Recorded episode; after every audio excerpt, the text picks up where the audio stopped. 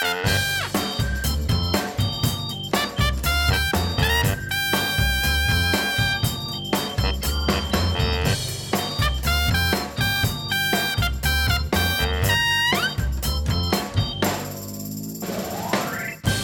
deze zonnige woensdagmiddag zitten Dick en Jeffrey hier klaar voor de CIP-podcast. Hallo Jeffrey. Ha, die dik. Hey man. Wat een, eh, wat, een, wat een prachtige dag vandaag, toch? Vind je niet? Ja, nou absoluut. Ik mag, we, mogen niet klagen met eh, dit stralende zonnetje zo naast ons kantoor. Ja, inderdaad. Ja. Ja. Dus dat is heel goed. En het is ook eh, de dag nadat we gisteren een mooi verhaal hebben gepubliceerd over bidden voor Ajax en dat gebed is verhoord. Kijk, Want Ajax heeft gisteren een geweldige spetterende uitslag neergezet in Engeland. ja.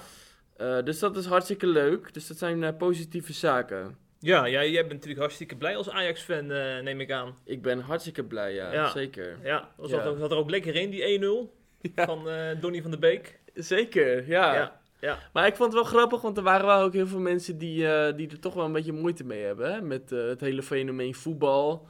Al helemaal om het te combineren met geloof en zo. waren ook heel veel mensen die vinden het eigenlijk een grote afgod. Ja, Eh, dus dat is ook wel weer interessant. Als je zo'n artikel schrijft, dan komen dat soort dingen naar boven. Dan begin je toch te zien wat er eh, onder de mensen leeft. ja, ja. ja. En eh, ja, wij zitten misschien met een bepaald beeld in de gedachte dat alle christelijke Nederlanders achter de tv zitten, maar dat valt ook wel weer mee. Ja, ja, ja, ja. Ja. Maar wat is nou eigenlijk het doel van het artikel? Want ik zag dat er werd gebeden voor Ajax of zo. eh. Is dat, is dat, eh, Ja. is er nog een gedachte achter? Of? Nou ja, ook wel van hoe je, eh, hoe je daarmee om moet gaan. Weet je? Dat, je dat heel veel mensen toch misschien ook een klein beetje zich schuldig voelen over van. Je kijkt eh, misschien eh, nog iets liever de televisie of je kijkt li- liever voetbal dan dat je bijvoorbeeld in de Bijbel leest. Of ja, hoe moet je daar dan mee omgaan en zo. Dus dat soort verhalen gingen er ook wel over. Maar ook inderdaad, mag je God betrekken bij jouw passie voor, voor Ajax bijvoorbeeld. Ja, ja. Nou, en dat vond uh, Jan Sjoerd Pastenkamp, die vond dat van wel. Hm. Eh, dus, eh, maar heel veel mensen vonden dat toch een beetje eh, belachelijk, zeg Ja. maar. Ja, ja, Ja. ja. ja, precies. Wie Ja. trouwens niet voor Ajax is, het is Steven Anderson. Ken je die? Ja, ik ken hem wel, ja. Ja? ja. Dus Van vandaag... naam dan, hè? Ik heb er nooit gesproken. Oké. Ja, dus, dus vandaag was er in het nieuws dat er een christelijke haatprediker eh, de toegang tot Nederland is ontzegd, hè? Ja. Dat is natuurlijk wel echt eh, opzienbarend, want ik dacht alleen dat je dat soort figuren zeg maar, in de islamitische wereld had. Ik lees hier en daar wel eens over een eh haatprediker die weer eens in de moskee helemaal los is gegaan. Mhm. En nu hebben we dus een christelijke haatprediker bijna in Nederland gehad. Op een haar na stond hij hier in Amsterdam zijn boodschap te verkondigen. Ja, bijzonder, hè? Ja. Wat hadden we daar graag bij geweest? Ja, als hij hier was. Ja. Nou ja, ik, als, als hij dan toch op zo'n pleintje dan eh, gaat schreeuwen, dan had ik dat wel even willen zien, ja. Ja, Precies, ja. Allemaal ben ik heel- telefoontjes erbij. was ik benieuwd wat voor bijbeltekst hij allemaal zou Ja, citeren ik denk, en ik zo. denk wel dat we dan een, eh, een veelbesproken week hebben gehad daarover. Ja. Met filmpjes opduiken en zo. Ja. Jij, Ja. jij hebt toch nog even op YouTube gezeten vandaag? ik heb eh? vandaag even op YouTube gezeten. Nou, misschien moeten we even een fragmentje van deze man laten horen. Wil je het nog introduceren of moeten we gewoon even luisteren? Nou, het is, het is zo dat in, eh, in de gemeente van deze man eh, waren er wat discussies gaande over de drie-eenheid. Ja. En deze prediker die had echt zoiets van, oké, als je daaraan twijfelt, daar is het gat van de deur, hoef je hier ook niet meer te komen. Dus er was wat ophef hier en daar. En er was dus ook een man en die kwam met een bijbel naar voren lopen tijdens de dienst. Ja. Want die had een gebed wat hij wilde opzeggen. Zoiets, ja. Ja, maar misschien moeten we maar gewoon daar was hij niet van gediend. Nee, we gaan nu horen wat hij, eh, wat hij zegt. Ja, daar komt hij. What are you What are you coming up here to do? You want You want to come take over the service? Huh? What What do you want? What? I just want a prayer read. Get out of here! Can I get, can I get a little grace? No, you can't. No, you you get out of here. Get him out of here. Drag this bozo out. Pull him out. Hey, help him out. Get him out.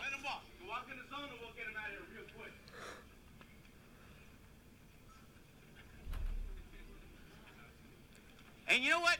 Anybody wants to come up here and take over the service? We'll throw you out of here, buddy. This church is not a free for all. This isn't an open mic. This isn't a karaoke bar. Okay? I'm the man of God here. I meet the qualifications. I run this church. And if you don't like it, then get out. This is not some church where every first time visitor and brand new believer and people who've never even read the Bible are going to come up and take over the service. Not happening. Okay? If you want that kind of Nou, wel- wel eventjes genoeg zo. maar eh, ja, ja, hij werd heel, dat was wel grappig, want hij werd ook echt met bodyguards nou, uit alle hoeken van, van de kerk kwamen mannen aangestormd om die rebelse eh, meneer eh, hardhandig de deur uit te zetten. ja, ja, Ja, was wel op zich wel grappig om te zien. ja, maar wat zegt het over het karakter van zo'n man als je zo reageert als je op een podium staat eh, met het kruis van Christus Nou, dat je? het een sterk leider, leiderschap is, laat ik het zo Sterk leiderschap. Ja. het is wel, het is niet een man die, ja, het is wel een beetje zijn wil is wet. Dat kun je wel zeggen, ja. Ja. ja. Deze man die heeft in 2005 heeft hij een eigen kerk opgericht, eh, heb ik eh, gelezen. Er zijn natuurlijk allerlei media die zich in die man hebben verdiept. Ja. Want als er een keer een... eh, er zaten nog steeds meer dan eh, de 200 man toch wel in de zaal. ja, nou, dat is best een behoorlijke aanhang. Ja. En eh, ja, dat is natuurlijk ook wel opvallend, hè, dat eh, wanneer dan eenmaal een christelijke man eh dit soort teksten uitkraamt, dan gaan alle media gaan natuurlijk volop in. Dat ook wel een beetje begrijpelijk is als er ophef over is.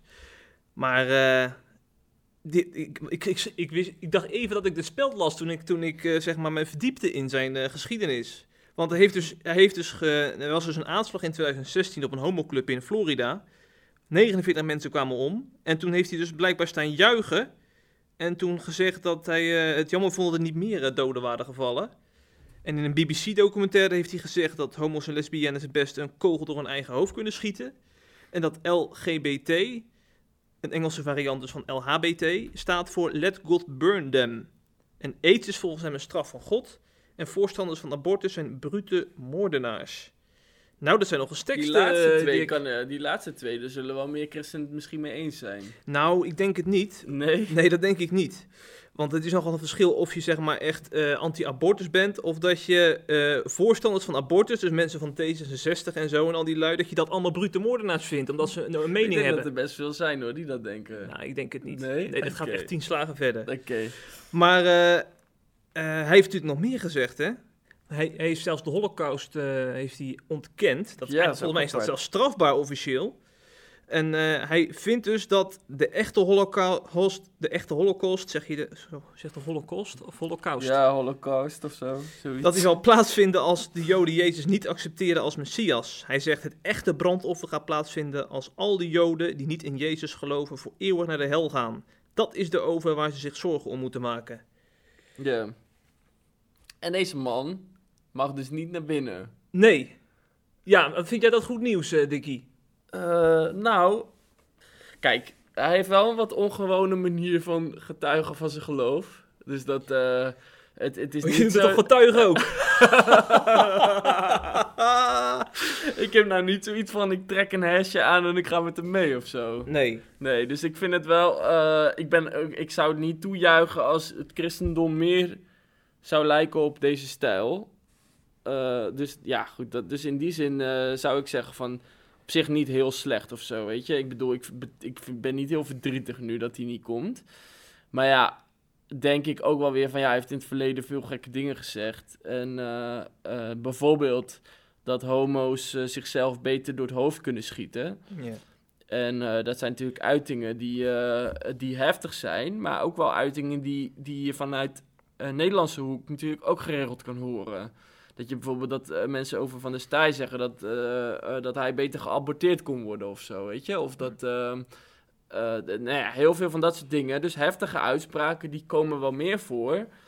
En hoewel ik het echt wel heel erg slecht vind en, en dat we er echt, ja, dit, dit, dit is niet christelijk, laat ik het zo zeggen. Maar ja, om hem nou echt helemaal te verbieden, ik bedoel, er lopen in Nederland genoeg gekken rond met dezelfde opvattingen. Dus eh, zijn wij dan in één keer soort van heilig en eh, komt er dan nu een, een gek aan die niet past bij onze cultuur of zo, dan denk ik van nou, laten we eerst maar zelf een schoonmaak houden.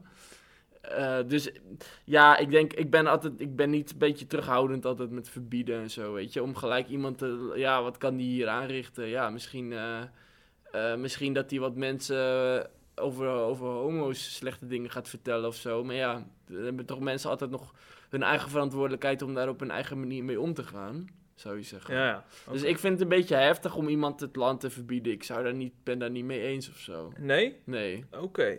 Maar jij wel, begrijp ik. Ja, ik ben hartstikke blij, want ik denk eindelijk komen we weer eens op waar we voor staan als Nederland. We eindelijk eens een keer van die oikofobie, zoals Thierry Baudet dat zegt, afgaan. Hè? Onze zelfhaat, dat onze cultuur altijd maar gerelativeerd wordt. We moeten ons altijd maar aanpassen aan andere mensen en opinies. Waardoor onze democratische rechtsstaat helemaal naar de galamiezen gaat. Want waar staan we nog voor? Alle grondrechten die worden dan een beetje weggerelativeerd. En ik denk van eindelijk, eindelijk een kabinet dat dus opkomt voor zijn eigen waarden. De, zeg maar, wij, wij staan voor minderheden. Hè? Dat is echt zo belangrijk. Dat is echt een van de kenmerken van een democratie. Dat je christenen, boeddhisten, homo's, iedere minderheid, dat je daarvoor opkomt. Want zij, kun, zij hebben het recht om in een vrij land te leven. En iedereen die zo'n minderheid bedreigt, met geweld, met de dood, die hoort niet thuis in dit land. En ik vind maar mooi deze dat man het- is toch ook een minderheid in die zin? Hoe bedoel je? Nou, in de Ja, er zijn van- weinig mensen die inderdaad dit soort teksten uitkramen. Ja, Ja, dus dan moet in. er ook ruimte zijn voor zo iemand, toch? Zeg maar. Nee, ik, mij- wat mij betreft ligt er een grens tussen zeg maar, eh, je mening geven, een cartoon tekenen over Mohammed, helemaal prima. Voor mij mag het ook best wel beledigend zijn, dat hoort ook bij de vrijheid van meningsuiting. En dan ligt er een grens volgens mij bij oproepen tot geweld of het verheerlijken van geweld. Dat is volgens mij ook strafbaar als ik de Nederlandse wet een beetje ken. En die grens, die moet de, eh, het Nederlandse de overheid natuurlijk eh, bewaken.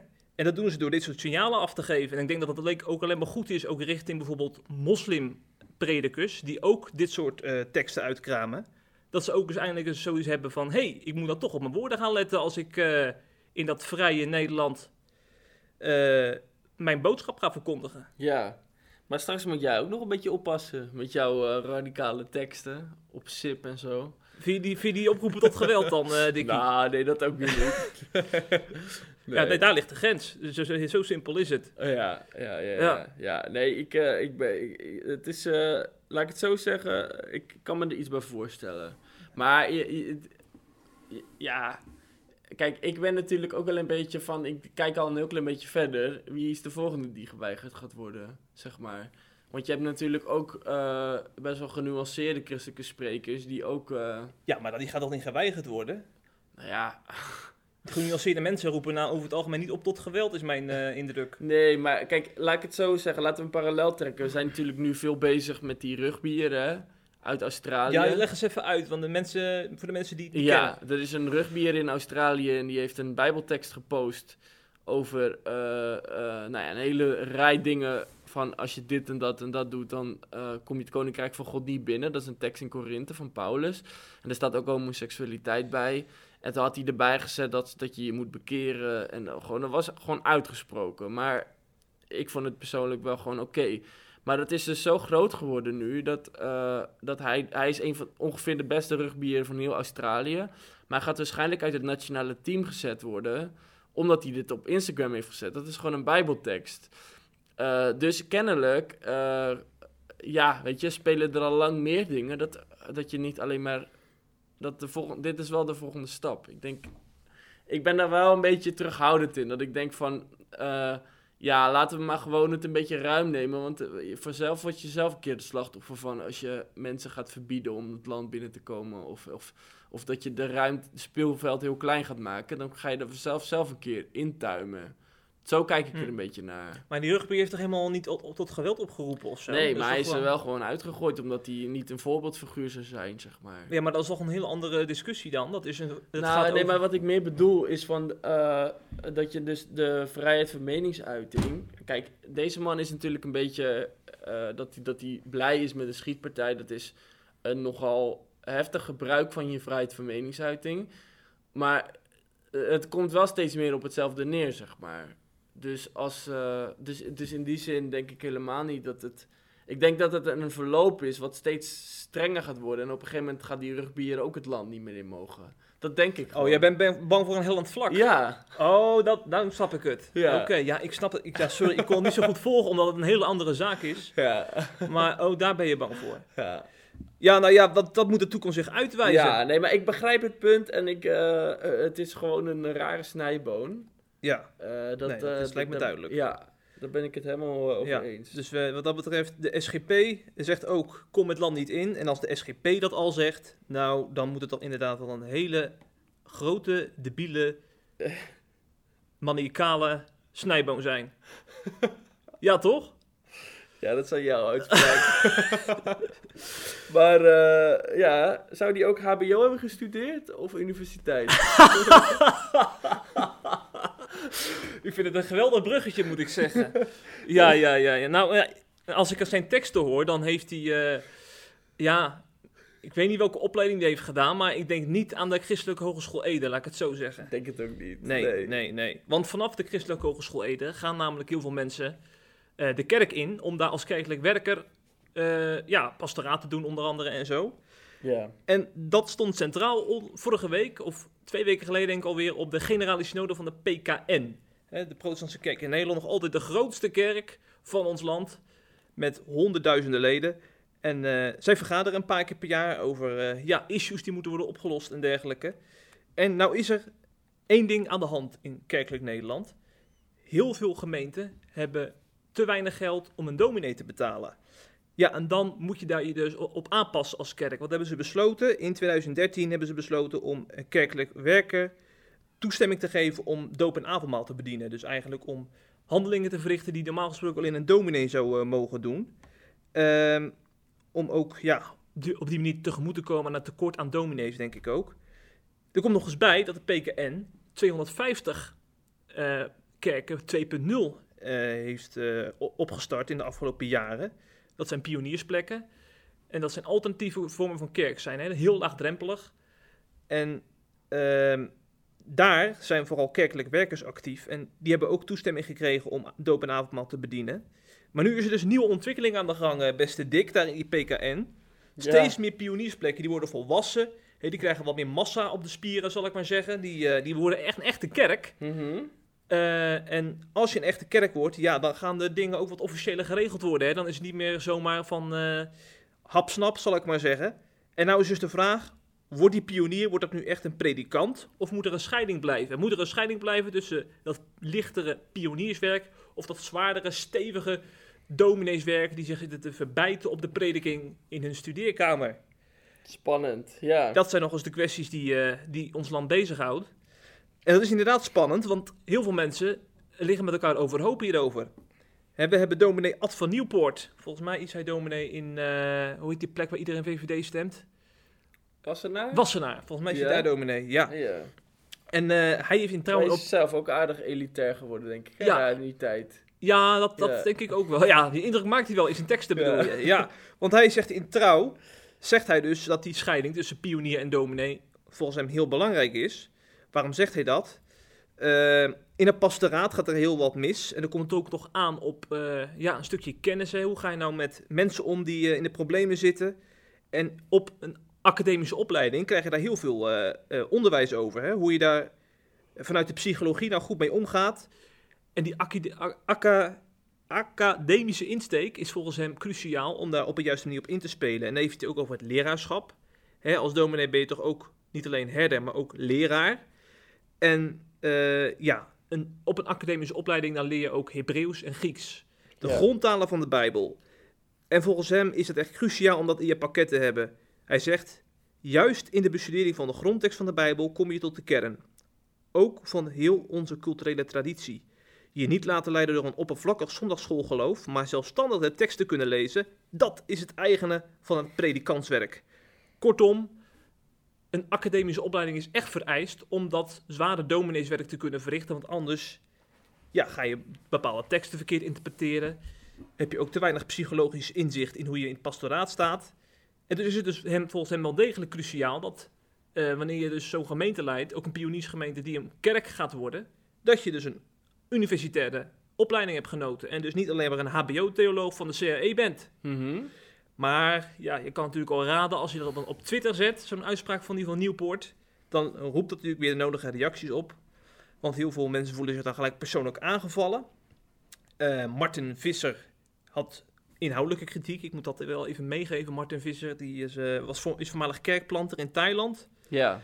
En eh, ik, moet hem, ik, moet, ik moet hem even complimenteren. Er zijn al heel veel mensen die dan gaan die Ad van Nieuwpoort gaan ze dan helemaal afkatten, weet je wel. Van, eh, kijk die elitaire bal uit uh, Wassenaar eens eventjes uit, uit, met zijn, uit zijn ivoren toren uithalen naar onze hbo-theologen. Ja. Maar deze visie die blijft gewoon inhoudelijk. En hij zegt eh, eh, dat de Bijbel niet zegt dat eh, ja, een opleiding ver- vereist is. Hè. Dat staat natuurlijk nergens als regel. Eh, het gaat erom dat je de geestelijke gaven eh, zo goed mogelijk voor het voetlicht eh, brengt. Hij Mhm. verwijst ook naar 1 Timotheus 3, waarin eh, dat ook wordt aangemoedigd om je gaven in te zetten in de kerk. Ja, een met of zonder opleiding, dat zou dan toch gewoon moeten kunnen. Hij zegt ook ehm, dat wanneer je een academische opleiding verplicht stelt als predikant, dat je dan eigenlijk het jezelf nog moeilijker maakt. Want als dan die dominees wegblijven, zeg maar, als er een tekort aan dominees is, Mhm. dan moeten er op een gegeven moment kerken dicht, want dan zijn er geen dominees meer. Dus dan kun je toch beter voor die HBO-theoloog gaan, zegt hij, die in ieder geval nog wel de nodige kennis heeft. En eh, waardoor je ook veel meer opties als kerk hebt. Eigenlijk allemaal goede argumenten van deze visser die de discussie wat aanwakkeren. En die discussie zal nog worden gevoerd, want eh, ja, in, juni, in juni gaat er nog een, een vervolgvergadering komen in de PKN. En dan gaan ze dus de vragen beantwoorden. Moet een geestelijk leider in de pioniersplekken van de PKN predikant zijn? Dan mag het ook een kerkelijk werker zijn die alleen maar HBO heeft gestudeerd. Ja, Spannende interessant vragen. hoor allemaal, ja. Ik denk wel van dat je, dat, je, dat je in eerste instantie gaat het natuurlijk om van... Als christen ben je geroepen om vrucht te dragen, Ja. zeg maar. En ehm, ja, ik denk dat dat... dat ah, dat, dat, kijk, Jezus zegt natuurlijk van eh, eh, wie in mij blijft en ik in hem, die zal veel vrucht dragen.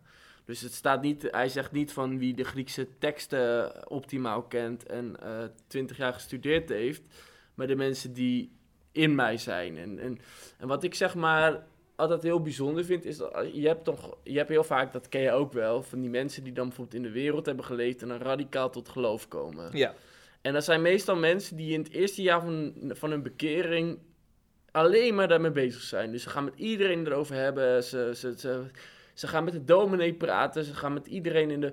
En vaak zijn dat mensen die, daar die in, in die geestdrift heel veel andere mensen meenemen. Dus er komen uiteindelijk dan via hun ook weer heel veel andere mensen tot geloof, zeg maar.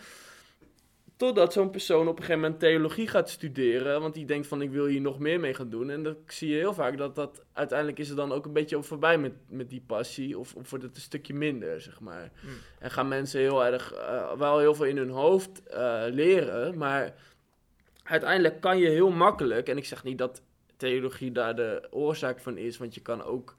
eh, maar je moet zeg maar echt in Jezus blijven. Want als je dat niet gaat doen en je gaat soort van alles in die kennis gooien, op die kennis gooien, dan uiteindelijk kan je zomaar die contact, dat contact, die eh, verbinding met Jezus, zeg maar, makkelijk kwijtraken. Ja. Dus ik denk dat dat heel belangrijk is. En ik denk dat er veel te veel dominees zijn voor wie die tekst uit 1 Korinthe 2 heel erg van toepassing is. Eh, dat Paulus zegt, en mijn spr- spreken en mijn prediking bestonden niet uit overtuigende woorden van menselijke wijsheid, maar het betonen van geest en kracht. Opdat uw geloof niet zou bestaan in wijsheid van mensen, maar in, uit de kracht van God. Eh, dus hij, en, en op andere gedeeltes in dit hoofdstuk heeft hij het ook de hele tijd over dat er kracht zit in de eenvoud van het evangelie. En als je weggaat van die eenvoud, van, van Jezus centraal, het offer van Jezus, het kruis, het, het eenvoudige evangelie, als je dat kwijtraakt en je gaat soort van naar hele filosofische en hoogdravende taal, eh, dan zegt hij van dan raak je de kracht van het evangelie kwijt. En dat is best wel een heftig iets. Dus ik denk persoonlijk eh, dat een van de grootste gevaren voor de kerk is juist dode kennis. Mhm. En mensen die vanuit hun hoofd allemaal mooie eh, verhalen op kunnen zeggen. Dus ik ben helemaal, ik, ik geloof niet dat je, om ko- daar kort op te zijn, ik geloof dat het uiteindelijk gaat om het geestelijke, weet je. En daar moet je je in ontwikkelen. En natuurlijk kan het niet zonder dat je enorm veel in de Bijbel leest en, en eh, helemaal thuis bent. Eh, maar op die manier, ik denk dat, dat, dat je als voorganger het meest effectief bent als je zoveel van Jezus uitstraalt en, en daar helemaal van overloopt. Het zijn vaak ook predikers die dat hebben. Eh, de kerken zitten daar meestal nog helemaal vol, zeg maar. Want dat is gewoon wat mensen willen, weet je. Je wilt gewoon uiteindelijk via de prediking wil je dichter bij Jezus komen. En dat kan alleen als je zelf daar een, een, een, connectie mee hebt, zeg maar. Mhm. En dat je, dat je dat ontwikkelt en dat je daarin groeit. Dus ja, dat, dat, die, dat theologen, daar ben ik zelf een heel klein beetje minder enthousiast over geworden in de loop Ja, ja. jaren. Maar het is goed om eh, kennis te hebben, zeker. Maar het moet niet boven je relatie met Jezus komen te staan. Nee, nee dat, is, dat is een helder verhaal. Maar we hebben, moeten het ook niet onderschatten, hè, wat deze mannen het allemaal te verduren krijgen. Je zou maar als HBO-theoloog opeens voor een kerk staan van 300 mensen waar je geestelijk leiding aan moet geven. En ik ken heel veel mensen die daar heel na naïef in gingen. Van inderdaad, eh, ook nog vanuit een eerste liefde. Mhm. Waardoor je ook nog eens vaak blinde vlekken hebt. Want dan ben je ook, heb je ook wat minder levenservaring meestal. En dat je dan met allerlei moeilijke pastorale situaties te maken krijgt. Die je allemaal al op een universitaire gedegen opleiding al, eh, al lang voor de kiezer hebt gekregen. Want dan, hoor je, dan praat je ook met docenten. Ja, maar de vraag is natuurlijk wel, die pastorale ontmoetingen Ja. en dat je daar zo in gegroeid bent, eh, komt dat puur door je opleiding of is dat ook niet voor een heel groot deel gewoon ervaring? Ik denk allebei, allebei. Want kijk, als zo iemand in het diepe gegooid wordt en helemaal geen begeleiding heeft en dan om, om het kopje ondergaat, dat is, ligt niet per se aan de opleiding, maar meer aan het feit dat diegene gewoon helemaal niet is, is eh, geen begeleiding heeft waarschijnlijk Ja. of zo. Of geen Ja, mensen, ja, Ja. dus, dus in die zin denk ik ook wel van eh, eh, dat dat wel een gevaar kan zijn. Ja. Eh, dat, je, d- dat je het v- te veel daarop gaat gooien. Terwijl, ik bedoel, ik denk als jij eh, zeg maar godsvrucht hebt, om, om het even in een bijbelse term te zeggen, dat je dan uiteindelijk vanzelf ook groeit in, in pastoraat, zeg maar. Ja, ja, zeker, zeker. Ja. Maar ik denk, we moeten het ook soms een beetje simpel, simpel houden. Als jij, als jij ambitie hebt om advocaat te worden of zo. Of, eh, nou, noem eens een ander vak waar, waar heel veel bij komt kijken. Rechter, Rechter of zo. Eh, arts. Als voetballer. je, als je die, als je die, eh, als je die motivatie hebt om, om, om dat soort beroepen aan te nemen. En, en, je, en je gaat dan op een verjaardag zeggen van ja, ik zou, ik zou zo graag advocaat willen worden, maar is een opleiding, joh, dat vind ik allemaal weer een beetje overdreven hoor. Eh, eh, ik, ik, ik doe het gewoon op basis van wat ik allemaal heb gezien en meegemaakt en dan, eh, dan red ik het wel. Ik, bedoel, zo, zo simpel is het in werkelijkheid natuurlijk ook niet hè. Ik bedoel, dominee zijn is ook gewoon een beroep waar je zes jaar lang op moet broeden om een om dan ja, maar ja, een wie heeft dat beetje- bedacht dat je daar zes jaar op moet broeden? Ja, dat uiteindelijk heeft, staat, heeft, het staat niet in de Bijbel. Nee, nee, nee. Maar er zijn, alle beroepen staan niet in de Bijbel. Op een gegeven moment is het leven natuurlijk ook pas na, na de Bijbel ont, verder ontwikkeld. Eh, Daardoor, ja, da- toen is er een kerk ontstaan. We hebben allemaal structuren hebben we toen, eh, toen gekregen. Ja, En daar moet je ook op aanpassen, hè? Op ja een gegeven moment. wellicht wel. Ja. Ja, ik, ik, Nou, nee, ik ben zelf... Kijk, ik ben vorige week ben ik even bij Joop van Ooyen langs geweest van Jezus Red. Ja. Jezus leeft. En als ik zo'n man hoor, dan kan ik ook alweer van smullen. Want voor die man is alles zo ongecompliceerd. Ja. Het is gewoon, dit staat er in de Bijbel, bam, en dat gaan we gewoon doen. Hm. Jezus zegt, we moeten de wereld in. Oké, we pakken onze bus en we gaan met z'n allen eh, rondreizen, evangeliseren. Hij pakt alles en ook met die predik, met die kerkstructuren daar heeft hij helemaal niks mee. Ja, maar dit leidt een beetje van de discussie af. Ik snap je zijweg. Joop van Ooyen is geen eh, predikant in de protestantse kerk. Ja, maar hij heeft wel een bloeiende Joop gemeente. Joop. Ja, maar hij heeft een bloeiende gemeente. Ja, is, en is hij lid van de PKN, die gemeente? Nee, nee, nee. Nee, dan hebben we een hele andere situatie. Bij de PKN komen de mensen die, die hebben... Dat zijn, dat zijn echte kerkgangers, weet je wel. Ja. Dat zijn mensen die hele andere soorten vragen hebben, die met hele andere levenssituaties te maken hebben. En dan komt het aan op een hele andere manier van, van, eh, van voorganger zijn. Ja, in principe wel. Maar ja. Daarom is de protestantse kerk een vergadering binnenkort Maar misschien is dat ook wel een van de redenen waarom die kerk zo hard leeg loopt. om... Omdat het zo, eh, zeg maar, zoveel structuur is en zo weinig menselijk, zeg maar. Ja, maar waarom zijn er dan weer twee tegenstellingen? Ik snap dat nooit. Nee? Ik vind dat zo simpel. Ja, ik denk van...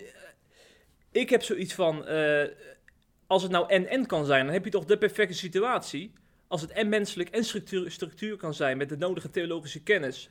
en een levend, eh, levend geloof vanuit de Heilige Geest, dan heb je alles in één. Ja. Waarom moet je daartussen kiezen? Eh, nou, nee, ik, dat begrijp ik op zich wel. Maar ik denk wel, ik, nee, ik ben het op zich helemaal met je eens. Het moet, als het levend is, dan is het goed. Maar het kan wel heel gauw zijn dat doordat het zo gestructureerd is en zo, eh, eh, zo hoe zeg je dat? Dat het zo formeel is allemaal, dat je uiteindelijk heel weinig die persoonlijke connectie met God in de dienst hebt, zeg maar. Ja. Eh, maar goed. Ik begrijp het punt, want ik, nee, dat, in die zin ben, daar ben ik het wel mee eens. En er zijn waarschijnlijk heel veel mensen die daar ook heel veel eh, behoefte aan hebben, aan zulke diensten. Dus ik geloof wel echt dat God daar ook heel erg doorheen kan werken en dat dat ook gewoon heel goed is. Dus ik wil daar, inderdaad heb je daar een goed punt. Is dat ook weer iets om, eh, ja, het zou mijn ideaal niet zijn, maar het is wel oké, omdat als dat voor sommige mensen nog werkt, is dat wel goed. Ja, en die Ja. 250 pioniersplekken die zijn niet uit de lucht komen vallen. Die zijn ontstaan vanuit een beweging, een verlangen. En als er dan dat soort kerkplekken zijn, lijkt me ook goed dat de kerk daar ook goed over nadenkt hoe je daarmee omgaat in de toekomst. Ja. En eh, we zijn benieuwd naar eh, de uitkomst. Ja, zeker. Nou, misschien komt er ook nog wel een mbo-dominee op een gegeven Een moment. MBO-dominee. Nou Ja. ja, wie weet joh. Ja, Sowieso, ja. Nou, ben, benieuwd. kan ik ook instromen. Ja, ja je, bent, je bent dan een echte MBO-dominee. ja. Nee, dat ook weer niet, maar... ja, nee, maar dat is wel interessant, Ja. ja. ja, We gaan het zien, eh, we gaan het zien. Eh, ik weet trouwens niet of eh, Klaas Dijkhoff van de VVD, of die nou HBO of MBO heeft gedaan. Misschien heeft hij wel de, de praktijkschool gedaan. Dat zou ook nog kunnen, ja. Ja, ja. hij is echt wel de slimste Nederlander, van de, de slimste man van de Nederland slimste geweest. man. Waarschijnlijk is hij ook de best geklede man, of de meest grappige man, en de politicus van het jaar. Precies. Heeft van alles gewonnen. Ja. En ehm, deze man is misschien ook wel, eh, ja, hoe moet je het zeggen, de praatjesmaker van het jaar. Ben, je, ben je fan van Dijkhoff? Nou, in het begin was ik heel erg fan. Ja, van, eh, vanwege dat ik- programma. Ik, ik, ben zo, ik hou van politici die gewoon nuchter zijn, weet je wel. Die, ja. die, die niet nadenken over allemaal eh, voorbedachte teksten door, door, door spindokters en zo. En eh, die als een soort robot jetten door het leven gaan. Ik hou van puur natuur. En dat is Klaas Dijkhoff. Maar ik heb ook kritiek, maar dat komt later pas. Oké. Want we gaan eerst naar het nieuws. Klaas, Spannend. Klaas Dijkhoff die heeft een interview gehad in de Telegraaf. Dat is al een paar weken geleden. Ja, misschien denken jullie, waarom behandelen jullie oud nieuws in de podcast? Er zijn deze week een paar opinies in christelijke dagbladen verschenen daarover. Dus vandaar Ja. dat we het nou pas over Klaas Dijkhoff hebben. Hij heeft in de Telegraaf onder andere gezegd dat hij eh, overweegt om de vrijheid van onderwijs aan te pakken, omdat die in zijn ogen wordt misbruikt. Nou, dat heeft natuurlijk een aanleiding, want je gaat niet zomaar een grondwetartikel aanpakken. Mhm. Of eh, misschien weet jij er meer van, want dat is in jouw stad allemaal trouwens die aanleiding. Ja, dat is vlak Het bij Co- mij, ja. Cornelius Haga Lyceum, daar is het allemaal begonnen. Klopt. En in mijn buurt, eh, daar zitten al die mensen, zitten daar allemaal op school. Ja, Ja, wat is daar gaande? Nou ja, mijn buurt is gewoon extreem islamitisch. Dus gewoon eh, zwarte hoofddoeken, lange jurken, dat soort dingen. Hm. Eh, dus dat, dat heeft eigenlijk totaal niks met de Nederlandse cultuur te maken. Want je kan daar eigenlijk nauwelijks een normaal gesprek mee voeren. Omdat je een beetje onrein bent en zo, als uh, ongelovige.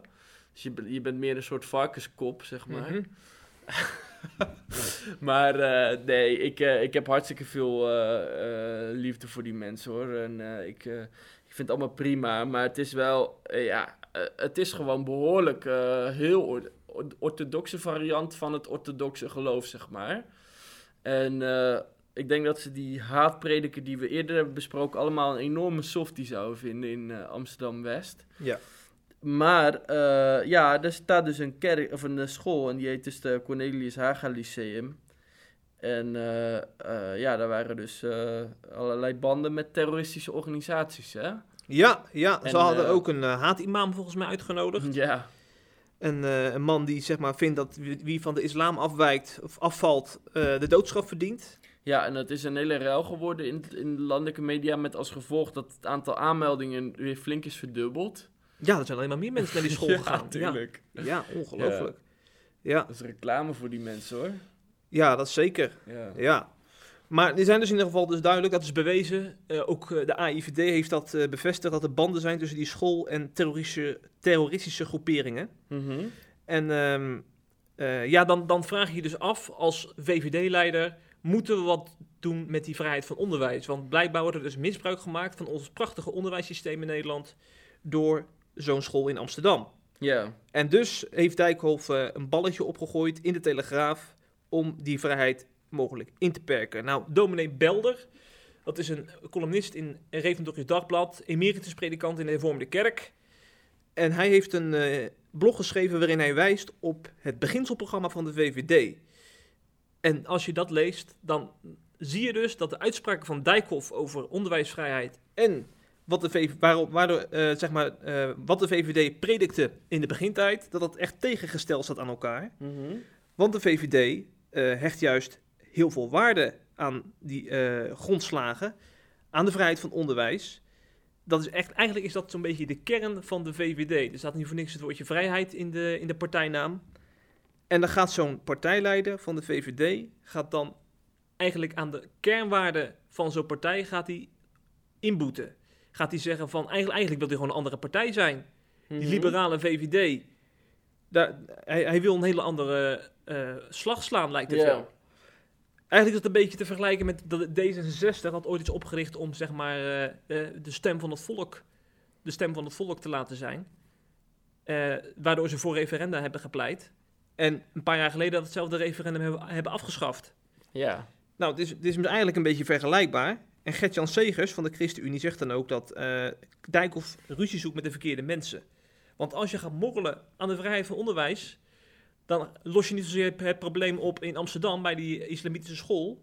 Maar dan zoek je ook ruzie met al die christelijke scholen waar niks op is aan te merken en die gewoon netjes Sterker aan de fatsoenregels houden. Het zijn de beste scholen van Nederland. Ja, volgens mij heb ik pas gelezen, er is een top 50 met beste middelbare scholen en volgens mij meer dan de helft heeft een christelijke achtergrond. Ja, echt hoor. Dat is ongelooflijk. Ja.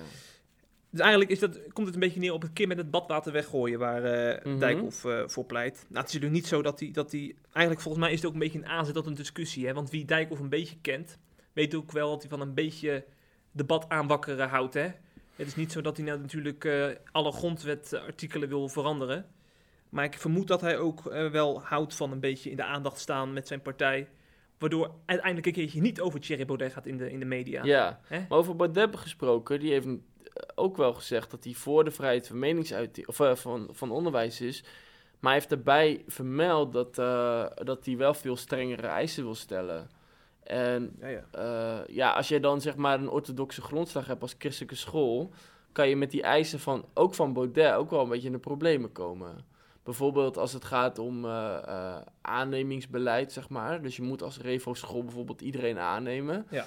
Eh, maar ook bijvoorbeeld als je wat orthodoxere bijbelse principes over bepaalde onderwerpen hebt, dan, eh, eh, dan mag je niet je, je aannamebeleid op aanpassen, bijvoorbeeld met, met docenten of zo die je aanneemt. Mhm.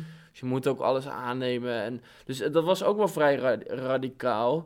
Dus die, die van, ook vanuit FVD zijn ze daar niet... he- ze- ze- is dat ook nog... Gaat, speelt dat ook wel een beetje hoor. Ik Ja. heb het idee dat die vrijheid van onderwijs... dat dat vanuit heel veel hoeken op dit moment...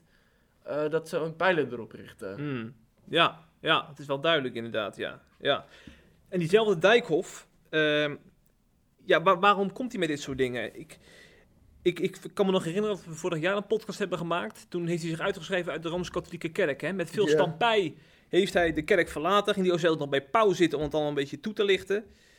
En eh, het, het riekt, het, het eh, doet ook een beetje denken aan opportunisme. Hè? Die nuchtere Dijkhoff, die we nog in het begin van zijn carrière prezen. Om zijn gewoonheid, om zijn Brabantse nuchterheid. Die wordt nu steeds meer een opportunist. Die dit soort balletjes opgooit. Om altijd maar weer die aandacht te vestigen op zijn eigen partij. En dan denk ik van, Zie waar je is het radicaliseren? Nou, radicaliseren, dat vind ik meer temmen voor die, voor die Steven Anderson die we in het begin eh, bespraken. Ja. Eh, nee, ik denk niet dat hij radicaliseert. Ik denk meer dat hij ehm, eh, een beetje in een doolhof verkeert. Dat hij zich laat leiden door peilingen. Ja. En maar van links naar rechts gaat. En altijd maar weer op zoek naar die, naar die one-liner. Maar dan denk ik van, politiek is meer dan dat. Ja. Ik zou bijna Tunohan Kuzu van Denk willen citeren. Ken je hem nog? Die, die ken ik zeker. Ja, Ja. Trap er niet in, heeft hij ooit geroepen in een campagnefilmpje. Nou, Ja. dat, eh, dat zouden we moeten zeggen bij elke proefballon van Dijkhoff. Trap er niet in, er zit meer achter. Je vertrouwt hem niet, hè? Nee, bij dit soort... eh, bij dit ik heb soort hetzelfde hoor, een beetje. Ik heb ook niet echt het gevoel dat die man heel principieel is of zo. ja. Ik vind hem meer echt zo'n eh, beroepspoliticus die zo pragmatisch is. Maar ja, waar staat hij uiteindelijk nou echt voor? Dat is, eh, dat, dat, dat eh, is allemaal niet zo heel duidelijk, vind ik.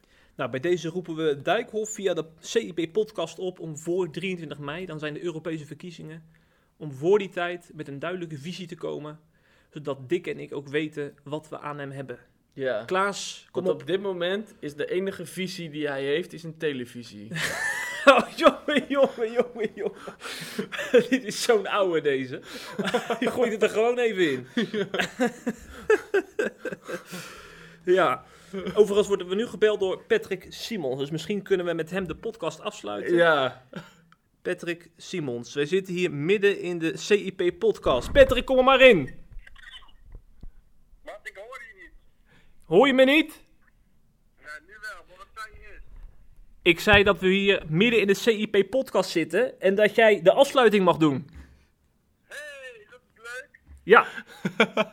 Ga maar. Alleen je hoort het via de telefoon. Dat kunnen we wel horen, want je staat nu op luidspreker. Nou, dan wil ik even zeggen. Het geweldig gedaan heeft gisteren. Wie? Ajax. Ajax. Oh. Ja, die hebben gewonnen. Ja. Nou, wat, wat eh, sportief van jou. Ja, hè?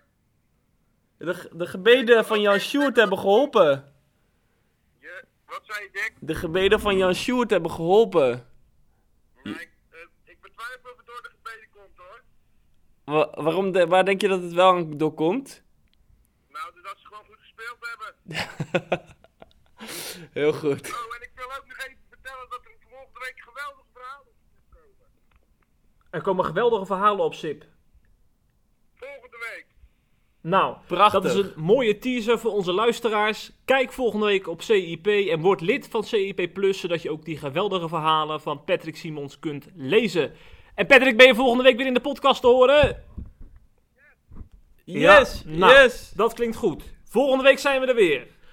De groeten. Doei doei.